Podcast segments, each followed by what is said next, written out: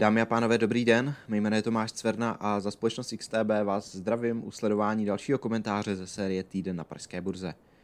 Na úvod eh, tady máme disclaimer, který říká, že investování je rizikové a vše, co uslyšíte v dnešním videu, tak eh, není investičním doporučením. Dnes nás čeká pohled na tuzemskou platební bilanci, podíváme se na předběžné výsledky eh, Kofoly a v závěru, kromě výhledu na příští týden, se podíváme ještě na aktuální dění na akcích Česu. Týden v Evropě se nesl v pozitivním duchu a to i navzdory uh, zprávám, které přišly z USA. Uh, tam byl zveřejněn uh, index cen průmyslových výrobců, který v lednu na meziroční bázi dosáhl 6% růstu, což je o proti odhadovanému růstu 5,4% více, nicméně méně, než kolik bylo zveřejněno v prosinci praxi tedy vidíme eh, podobně jako na eh, CPI, která byla zveřejněna o eh, týden dříve, že nám v americká inflace začíná klesat, nicméně není to v takovém tempu, jako by se mohlo očekávat. S tím, že podobný trend jsme zaznamenali na meziměsíční bázi, kdy v lednu byl dosažen růst o 70%. Další zajímavý ukazatel, který byl zveřejněný za velkou louží, tak eh, byly maloobchodní tržby. Ty eh, v lednu meziměsíčně vzrostly o 3%, přičemž odhad činil 1,8%. Takže vidíme, že i ten spotřebitel je ještě nadále silný, což by Fedu teoreticky mohlo ukázat, že se zpřísňováním není konec, což konec konců potvrdili i někteří centrální bankéři, jejichž projevy byly poměrně jestřábí. V Evropě jsme pak eh, nic, co by výrazně ovlivnilo trhy, nezaznamenali. Nyní se již pojďme podívat eh, na tu eh, slíbenou makroekonomickou událost, kterou je zveřejnění salda platební bilance běžného účtu. Za celý loňský rok dosáhlo saldo více než 380 miliard korun, což je nejvyšší hodnota od roku 2004. Co se týká prosince, tak tady jsme zaznamenali saldo asi 7 miliard, což je přibližně třikrát méně, než se eh, původně očekávalo. Eh, za eh, výrazným saldem platební bilance v celém loňském roce stojí bilance prvotních důchodů. Tady jsme zaznamenali zejména odliv dividend z přímých investic do zahraničí. A to nejenom v celém roce, ale i pak v tom prosinci, kdy samozřejmě toto je velmi negativní pro českou korunu. Eh, jejíž eh, posilování by třeba zvyšujícím se saldem platební bilance mohlo být zastaveno. Nyníž výkonnost pražského indexu ten uzavřel páteční seanci na úrovni pod 14, 14 body. Když vidíme, vidíme podrobnější pohled na Eh, akcie a měnové páry. Eh, u Česu eh, nárůst 1,38%, zatímco jediná ztrátová akcie celého pražského indexu byla Kofola. Když se podíváme do spodní části na ty měnové páry, tak vidíme, že koruna vůči euru i vůči americkému dolaru posilovala, kdy měnové páry poklesly o desetinu, respektive téměř tři desetiny koruna eh, se tak eh, vůči euru obchoduje za 23,70 a dolar eh, vůči koruně za 22,16. Váhy společností v pražském indexu se příliš výrazně neměnily. Nejziskovější byla v uplynulém týdnu Moneta, která si na mezitýdenní bázi připsala nárůst váhy o 0,31% bodu zatímco Komerčka ztratila 0,25% bodu a e, Čes spolu s e, RST získali 7% bodu. Nejziskovější akcí v uplynulém týdnu byla Moneta, která zažila velmi dobrou středeční seanci a ten páteční závěr pak skončil na 87 korunách za akci. Nejstrátovější akcí byla Kofola, která ve středu 15. února zveřejnila předběžné výsledky, které nebyly zas tak špatné. Z konců se na ně můžeme teď podívat. Předběžně se odhaduje, že tržby za čtvrtý kvartál dosáhly 1,81 miliardy korun, což je meziroční nárůst o více než 15% EBITDA pak meziročně vzrostla na 230 milionů korun, což je meziroční nárůst o 64% Za celý rok pak EBITDA dosahuje 1,11 miliardy, přičemž odhad činil něco málo nad 1,08 miliardy.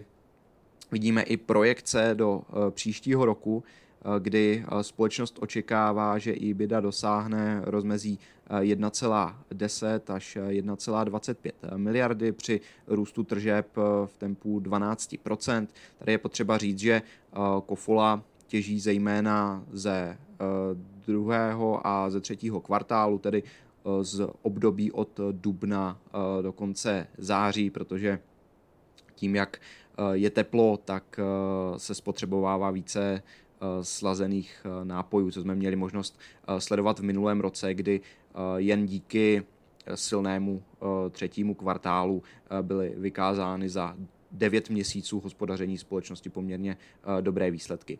Dividenda na akci by za rok 2022 měla dosáhnout 11 korun 30 haléřů, přičemž tato suma by měla být v příštím roce vyšší anebo stejná. Co se týká finanční páky, tak tam společnost očekává, že se bude stejně jako v loňském roce držet na úrovni čistého dluhu k EBITDA násobku 3. Nyníž výhledy, tady vidíme jeden update, výhled na buy s cílovou cenou 381 korun.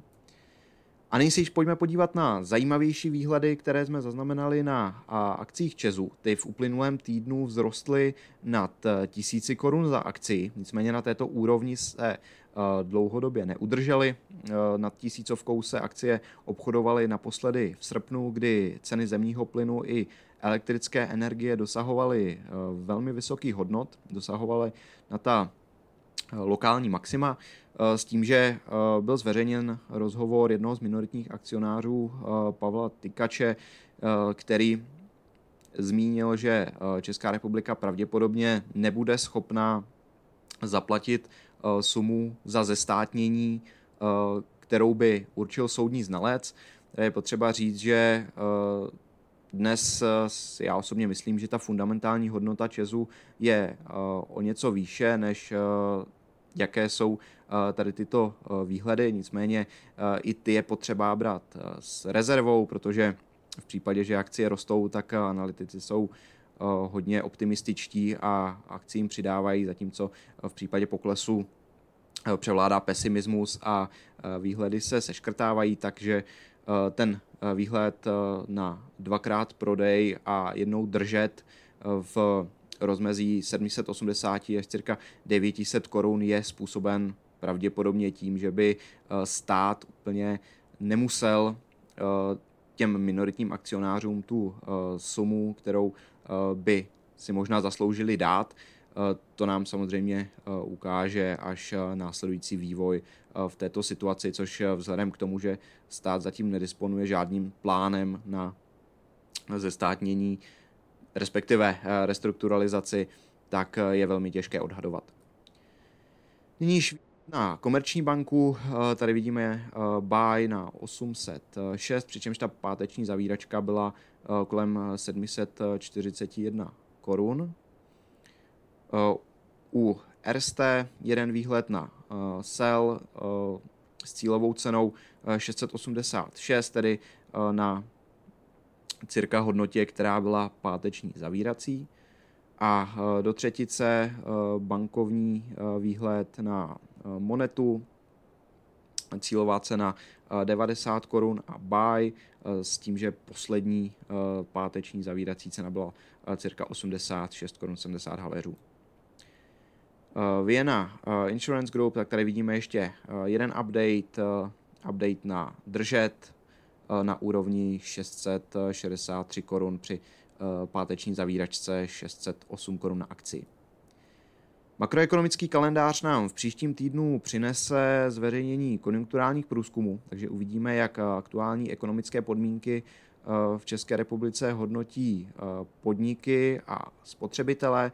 Eh, u toho spotřebitelského očekávání si nedovedu představit odhad, protože máme přeci jenom kvůli úpravám v metodice výpočtu CPI nárůst inflace a tak eh, někteří spotřebitelé mohli eh, svůj aktuální stav přehodnotit. Nicméně eh, pravděpodobně zůstane, zůstane trendem, že ty podmínky by se v horizontu roku měly zlepšovat.